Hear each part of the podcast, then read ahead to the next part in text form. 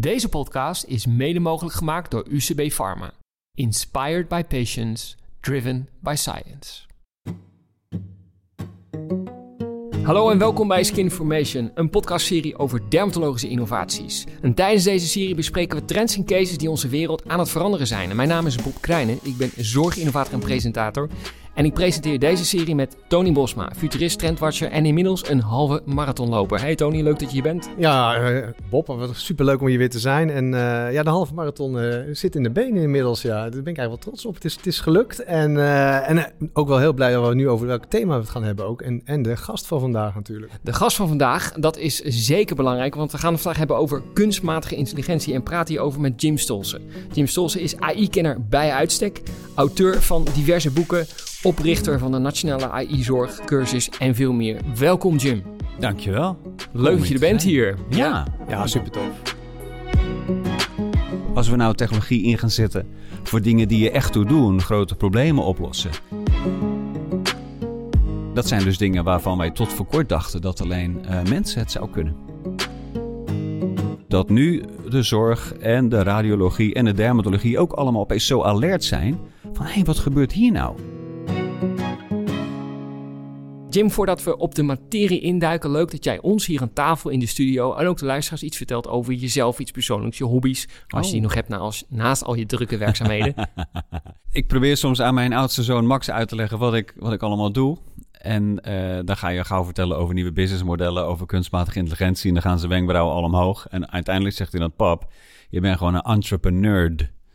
En oh, nou, dat vind ik eigenlijk wel cool. Inderdaad, ik ben een nerd en ik ben ondernemend. Dus ook in mijn vrije tijd, helaas ben ik ook toch nog veel met, uh, met computers en software bezig. Ik vind het leuk om algoritmes te, uh, te reverse engineeren.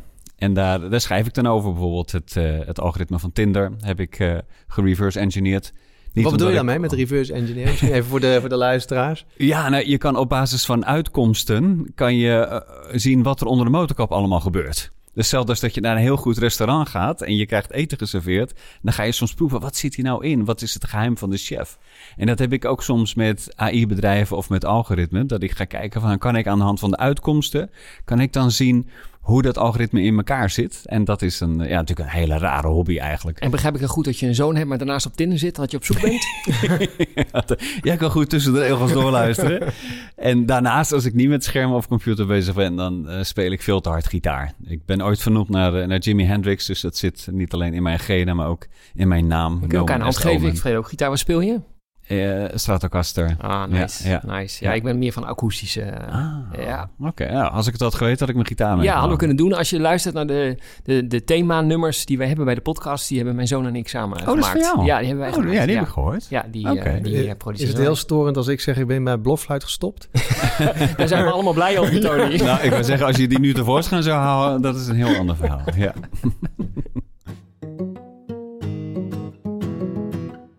praten vandaag met Jim Stolze over kunstmatige intelligentie. Jim is auteur, ondernemer en onder andere de oprichter van de Nationale AI-cursus. Jim, ja, die vraag ligt me echt op het hart. Waar komt die interesse voor AI vandaan bij jou?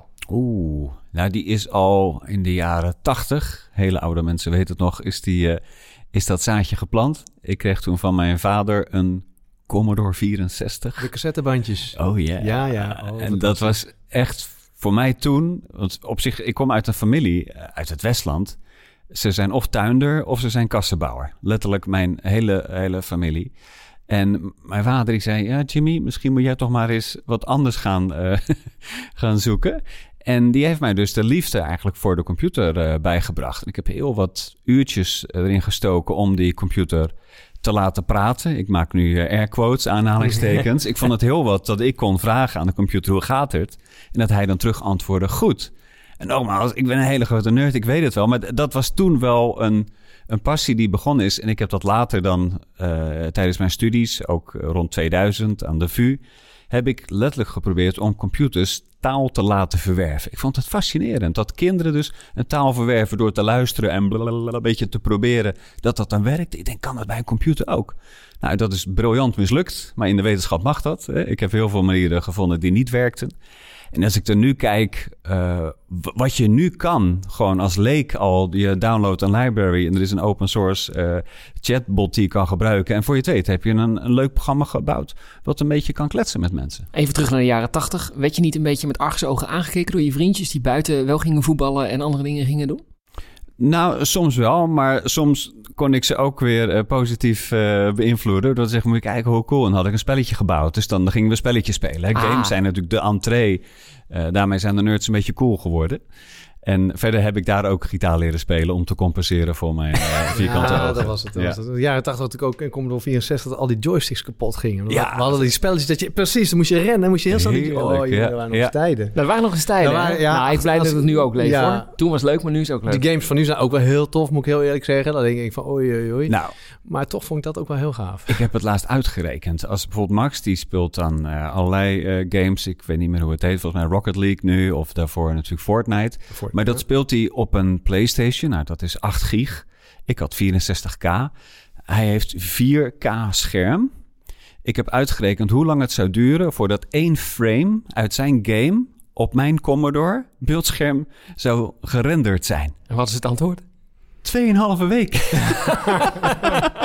en hij speelt gewoon de hele dag real-time met wifi. En hij heeft geen idee wat hij heeft vergeleken met het speelgoed wat wij hadden. Had je kunnen denken in de jaren tachtig, toen je met no spelen was, dat het zo'n enorme vlucht zou nemen? Nee, nee, maar toen was natuurlijk de overgang van monochroom naar, naar kleuren al, al heel wat. Als we de iPhone 12, als we de, de huidige iPhone zouden bouwen in de jaren 80, las ik, uh, zo'n iemand die met die telefoons bouwt, die zegt van als we die technologie hadden, dan zou die iPhone zou 110 miljoen euro kosten en die zou 14 mhm. meter lang zijn. Ja, ja, ja, ja precies. Ja. Nou, wat dat betreft leven natuurlijk in een heerlijke tijd. En de, de reden dat, dat wij natuurlijk ook zo enthousiast zijn over de toekomst, is dat wij snappen, en met onze luisteraars, dat we nog meer van dat soort revoluties mee gaan maken. Ook onze generatie.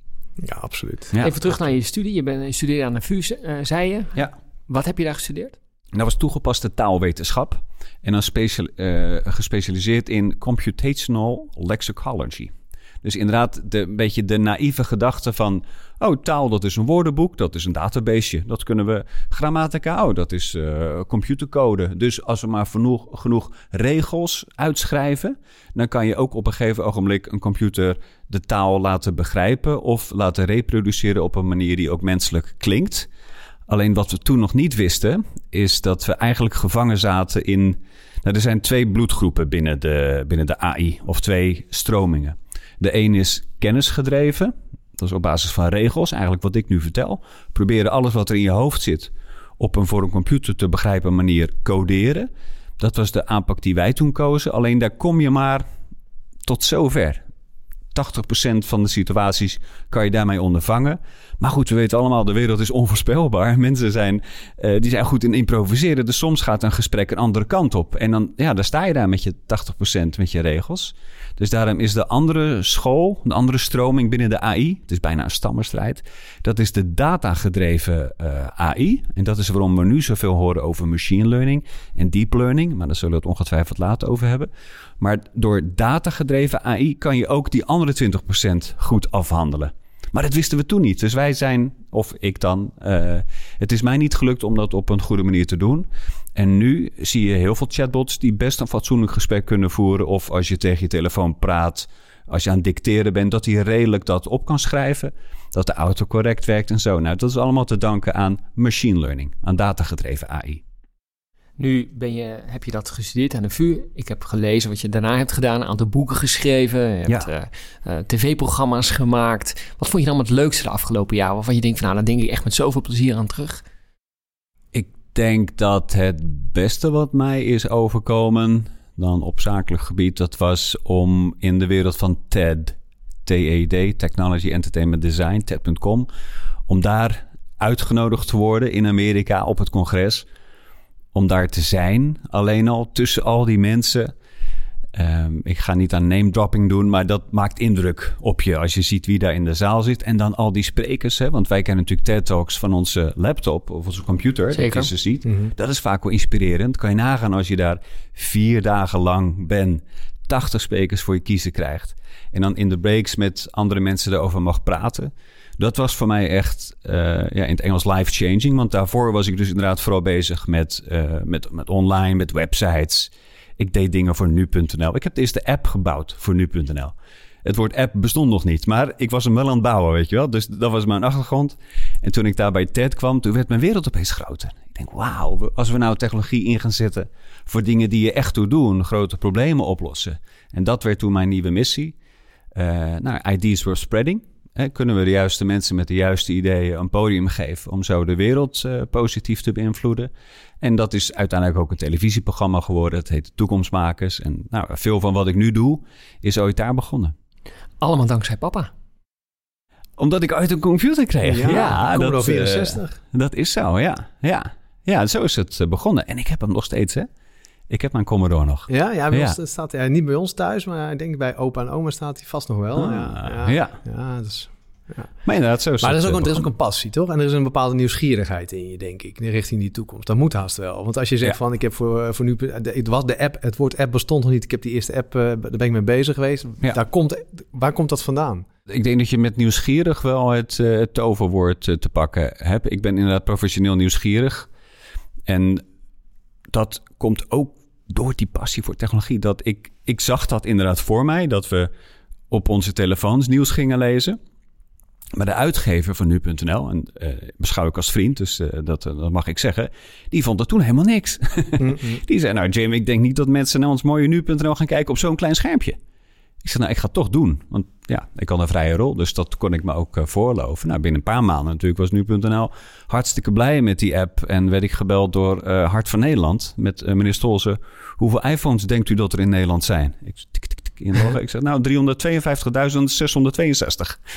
Wij waren de enige Nederlandse app op dat moment. Dus dat is, ja, geboren uit nieuwsgierigheid. Maar toevallig wel uh, op het juiste moment dat gelanceerd. En als iemand dan zegt van uh, uh, dat, dat is niks of ik vind het niks, gaan bij jou dan niet juist, de, de, de, dan heb ik juist zoiets van, oh nou, dan is het misschien juist interessant. Ja, als mensen dat als eerste reactie het afschieten, denk ik, hey, ik heb liever dat ze dat zeggen dan ja. dat zeggen, ja Jim, tuurlijk zijn we al mee bezig. Ja. nee, dus ik ben het inderdaad met gewoon een, een ander groepje gaan maken. Uh, dat hoort ook bij innoveren. Gewoon je eigen broek ophouden en soms een beetje eigenwijs zijn. Dus uh, wij hadden dat vrij snel gebouwd. En uh, nou, Twitter was toen ook net opkomend en nog leuk, zeg ik er even bij. dat heel veel mensen gingen zeggen, hey, wat leuk, nu.nl op de iPhone. Wat een goed idee. Nou ja, en toen kon Sanoma natuurlijk niet achterblijven. En hebben ze fatsoenlijk budget gegeven om het, de app goed te bouwen. En het is nu een van de, van de kroonjuwelen. Ja.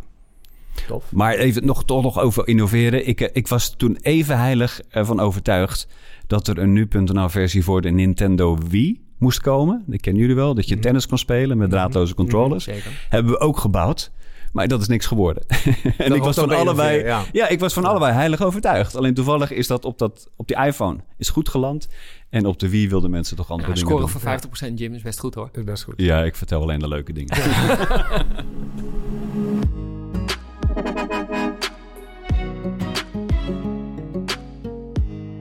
praten vandaag tijdens deze Skinformation met Jim Stolse, auteur en ondernemer. En in het eerste blok spraken we over hoe het allemaal begonnen is met de Commodore die hij van zijn vader kreeg. En zijn vader zei, ga die maar eens onderzoeken, ga maar eens iets anders doen dan wij tuinders.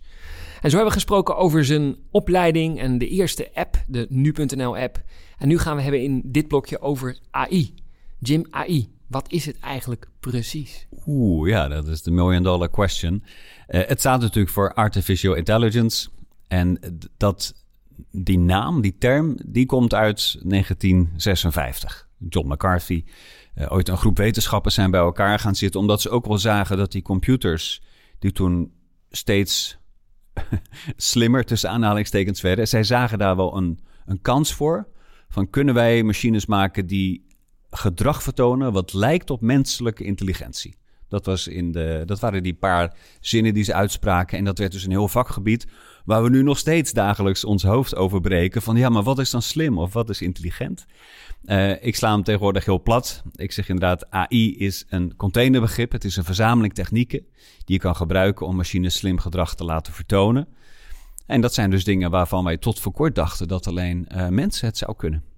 En het leuke van die definitie is dat die dus ook steeds verschuift. Want in de jaren zeventig was schaken, dat, nou, dat was toch wel... Uh, Dat was echt iets dat kon alleen mensen. Hè? En dat was bijna mystiek of uh, een bepaald mysterie hing daaromheen. En toen computers dat ook konden, was het opeens wat minder intelligent. Dus zo, nu zie je dat het steeds meer opschuift. Uh, professor Tom Heskes van de Radboud Universiteit, die zegt daarom ook, die zegt, ja weet je, AI, dat is alles wat informatica nog niet kan. Dus dat is wel een, uh, denk een hele passende definitie. Ja, er zijn natuurlijk wel ook heel veel uh, meningen over AI. Hè? Of, hmm. Dus de, waar staan we in de ontwikkeling van AI? Uh, daar verschillen zelfs de experts heel erg over. Ja. Kun je daar iets over zeggen? Enig beeld? Komt er een nieuwe... Ze hebben al dus de nieuwe AI-winter. hebben er al meerdere gehad, geloof ik. staat die voor de deur? Of... Ja. Hoe, hoe, moeten, hoe kunnen we dat inschatten? Of hoe moeten we dat... Hoe, kijk, want ik snap best dat als je in de zorg werkt... en je hoort heel veel over AI... van ja, waar staan we? Ja. Ja, dat is ik een, een hele goede vraag op, op dit moment. Ik denk dat de, de hype die er nu is over kunstmatige intelligentie, want dat kunnen we ook best uh, stellen, uh, dat komt ook omdat we toch soms verrast zijn over hoe ver het is in specifieke gebieden, maar soms ook zwaar teleurgesteld zijn hoe, hoe slecht het soms is in andere gebieden. Dus eh, daarom, uh, mensen spreken niet echt dezelfde taal op dat gebied. Dat is ook de reden dat ik die, die gratis AI-cursus ben uh, begonnen, omdat ik zag dat heel veel gesprekken eigenlijk vastliepen of ontspoorden, omdat mensen verschillende beelden hadden. Of dat ze zich lieten beïnvloeden door Hollywood-scenario's, Terminator en dat soort dingen of Space Odyssey, dat heeft voor een groot gedeelte ons beeld van kunstmatige intelligentie bepaald. Maar als je dan gewoon met de kennis gaat praten, met, uh, met de professoren of met, uh, met experts in het vakgebied, die zeggen nou, nou en dat verhaal, dat hele genuanceerde of feitelijke verhaal, wat is het nou echt? Dat hebben we met de AI-cursus geprobeerd in beeld te brengen. En dat, uh, ik denk dat, dat, dat het goed gelukt is. Mensen zeggen na afloop van nou, ik heb nu een beter beeld van wat het is en ik heb nieuwe vragen. En kan je uh, even terug naar wat slecht, wat, wat, wat gaat er heel slecht met AI? Wat, voorbeelden waarvan denk nou, dat werkt gewoon niet? Nou, vaak als mensen het, het woord data horen of uh, algoritmen, uh, wat de bouwstenen zijn voor, voor kunstmatige intelligentie, dan zeggen ze bijvoorbeeld, ja, als ik dan uh, een, iets heb gekocht bij een, een online winkel, dan word ik daarna nog steeds gebombardeerd met advertenties voor hetzelfde uh, product. Dat is dom. Dat is nog niet kunstmatige intelligentie. En dan, ja, dan moeten wij natuurlijk toegeven, ja, dat is inderdaad niet zo slim. Maar het is ook een toepassing van machine learning, wat tot de AI wordt, wordt gerekend. En wat is dan de beste waarvan je denkt, nou, dit is echt golden? Nou, de, de, Tony had het net al over AI-winters en AI-zomers. Dat wil zeggen dat tijdens een AI-zomer, dan is iedereen, uh, wauw, dit wordt echt fantastisch. Hè? Er is weer een nieuwe doorbraak. En dan zo'n winter, die volgt daar meestal op van, hmm, nou, het valt toch een beetje tegen. En dan worden de investeringen weer teruggedraaid. Uh, ik denk dat we met uh, deep learning, wat nog helemaal niet zo, uh, zo oud is, dat is nog geen tien jaar oud dat het nu doorgebroken is. Ze werken er al aan sinds de jaren 80 en 90. Maar dat het echt doorgebroken is, dat is de reden dat we nu in een nieuwe AI-zomer zitten. En dat is ook de reden dat nu de zorg en de radiologie en de dermatologie ook allemaal opeens zo alert zijn. Van hé, hey, wat gebeurt hier nou? En dat komt dus omdat deep learning, wat een vorm is van machine learning, zo ontzettend goed, echt ongeëvenaard goed is in beeldverwerking of beeldherkenning. En uh, dat zorgt dus voor dat foto's die je normaal gesproken in de zorg met het blote oog moest beoordelen, dat je nu dus algoritmen hebt die dat met jou samen kunnen doen. Dat is een mooi overstapje. Je hebt dus de nationale AI-cursus opgezet, maar daarnaast ook de nationale AI-zorgcursus. Van waar deze cursus? Wij merkten dus met, die, uh, met de algemene cursus, uh, inmiddels meer dan 220.000 mensen gedaan. Wat natuurlijk eigenlijk belachelijk is voor een cursus, ook nog eens een techcursus, vrijwillig. Maar mensen lezen de headlines. Ze, uh, ze, ze, ze, horen de, de mensen, politici ook erover praten en ze willen hun eigen mening vormen. Ze willen weten waar gaat het nou echt over. Uh, en de cursus is gratis en online, dus dat is natuurlijk ook wel een basis ook voor weer een Nederlands succes. Ja. Nederland, ja. we doen het niet om er geld mee te verdienen. We doen het om de Nederlandse bevolking goed voor te bereiden op een toekomst met AI. En uh, ik zei al, mensen hebben dan na die cursus hebben ze opeens andere vragen. En we kregen dus heel veel vragen vanuit de zorg, uh, van zorgprofessionals.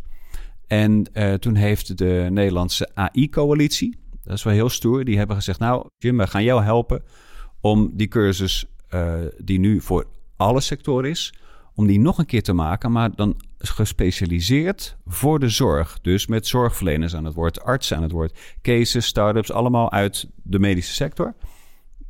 Eh, care and Cure. En uh, daardoor is nu de nationale AI-zorgcursus er. En ook nog steeds gratis en uh, wel heel leuk. Hij wordt ook gepresenteerd door Emma Bruns.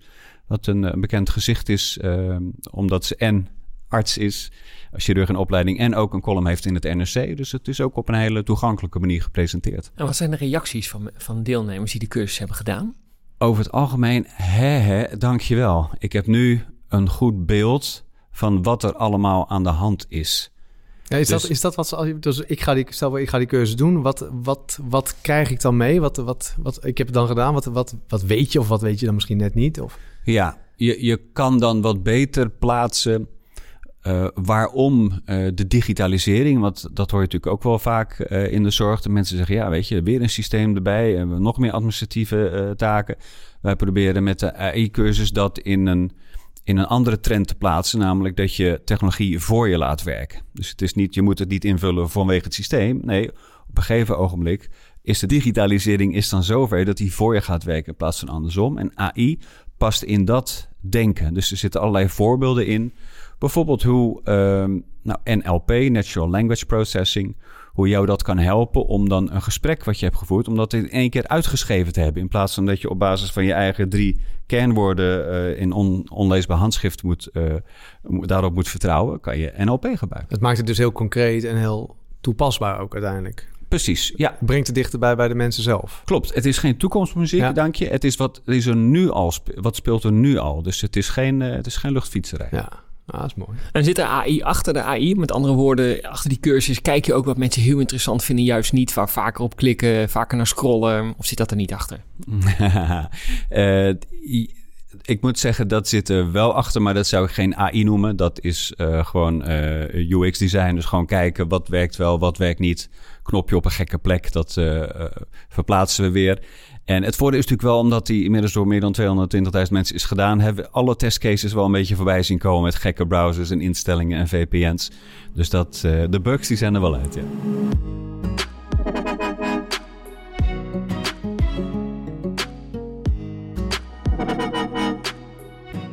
We praten vandaag met Jim Stolse, auteur en ondernemer en oprichter van de Nationale AI-cursus voor zorgprofessionals. Jim, ook de zorg is aan het veranderen en toch lijkt het soms wel, vindt Tony en ik althans, dat het soms wat traag gaat. Hmm. Wat vind je daarvan? Uh, ja, dat, dat, dat herken ik. Tegelijkertijd heb ik geleerd om te zeggen, en dat is goed. er zijn eenmaal sectoren, daar mag je best even gewoon de plankgas gaan en dingen uitproberen. In Amerika zeggen ze dan, let's fail fast and fail often. Ja, oké, weet je, dat is in sommige sectoren kan dat. Hè, als Spotify mij af en toe eens een gek liedje suggereert, dan haal ik mijn schouders op en dan lach ik erom. Maar ja, niet met medische gegevens of met iemands gezondheid. Daar mag je niet mee experimenteren. Dus ik snap inmiddels, en zo zitten jullie er volgens mij ook in, dat je in de zorg inderdaad moet innoveren. Maar natuurlijk wel op gepaste wijze met respect voor X, Y en Z. Op medisch gebied helemaal mee eens. En ben ik echt. En ik heb ook het idee dat dat ook wel gebeurt. Dat, dat artsen daar ook echt wel heel uh, ja, behoudend in zijn. Hè? Do no harm is natuurlijk uh, wat, wat ze willen. Ja. En terecht. Um, maar als je kijkt bijvoorbeeld in het, het, het zorgproces, hoe, hoe je met patiënten omgaat, wat misschien dan net iets anders is, hmm. daar heb ik soms wel het gevoel, denk, ja, dan denk ik, ja, kijk hoe wij met retail omgaan, met finance omgaan, met, uh, dan, dan denk ik, ja, daar, daar zijn afgelopen tien jaar heb ik het idee dat wat, wat slagen gemist zijn. Dus je ja. vraag zou kunnen zijn, hoe is het uh, de toekomstbestendigheid van het processen?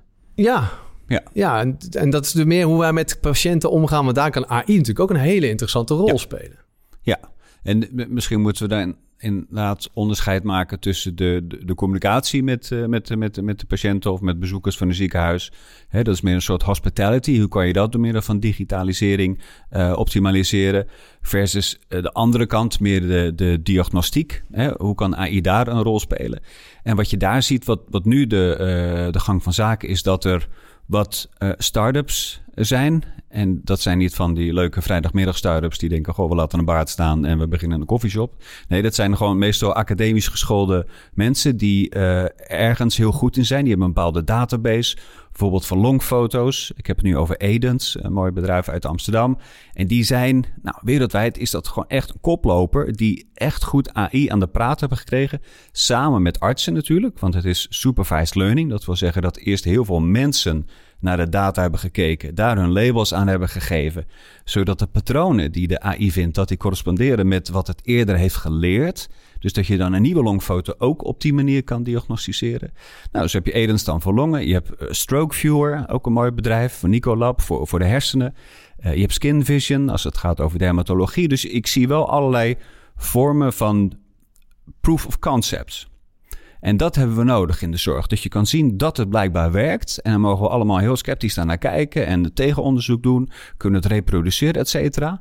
En als dan blijkt dat het werkt, dan zou je zien dat het in de volgende fase komt. En dat het wat meer geaccepteerd wordt. En de voorbeelden die je nu aanhaalt, volgens mij werken die ook heel veel samen met artsen. Dat is wel wat we veel horen bij artsen, dat ze zeggen ja, innovatie ja, maar dan liefst samen met die techbedrijven. En wat je natuurlijk ook veel ziet gebeuren, is dat heel veel innovatie buiten de zorg plaatsvindt. En dan wordt het geïntroduceerd en dan gaat iedereen op de rem van ja, ho, ho, dit is mijn vakgebied, dit is mijn kennis. Ja. En volgens mij als je in een vroeg stadium die synergie opzoekt ja. en die experts de experts laat over de tech en over de, de medische inhoud, ik denk dat je dan een, een, een, een prachtige start-up hebt en ook een product te maken wat innovatief is en ook geïmplementeerd kan worden. Helemaal waar. Het is uh, twee richtingen verkeer. Ik sprak uh, dokter Paul Algra, die zit in Alkmaar bij de Noordwest ziek, ziekenhuisgroep. Die is radioloog. En die is inderdaad altijd als de kippen bij. Als er weer een nieuwe start-up of, of een nieuwe AI-expert zegt... en onze tool gaat de dermatoloog overbodig maken... dan zegt hij, fantastisch, laat het me zien. en keer op keer zegt hij... nou, dit is hele mooie software... die ons radiologen in staat gaat stellen om ons werk beter te doen. Hij zegt, er is geen radiologische baan verloren... En dat is ook niet de wedstrijd. Dat gaat niet tussen AI versus radioloog of in dit geval AI versus dermatoloog.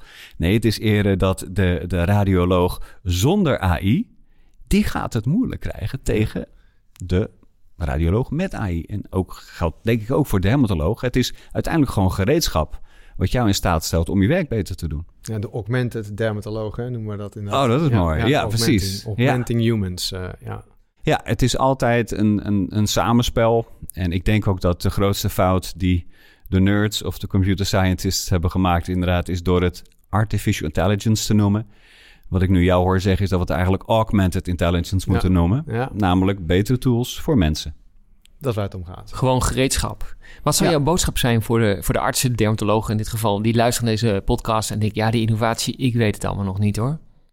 Nou, het is natuurlijk handig om de AI-zorgcursus te gaan doen. Op uh, zorg.ai-cursus.nl, daar kan je gewoon gelijk uh, de cursus vinden. Dus dat is, ik denk inderdaad voor iedereen die met dermatologie te maken heeft, dat het interessant is om even zo in korte tijd bijgepraat te worden over verschillende ontwikkelingen. Het gaat natuurlijk niet alleen maar over huid of alleen maar over dermatologie, maar het is een goed a tour across the landscape hoe AI nu al zijn weg vindt uh, binnen de zorg. Dus daar kan je dan alleen maar van leren. En dan is het jouw taak, jouw verplichting om daar eens een beetje kritisch naar te gaan kijken, maar wel mee te gaan in de beweging.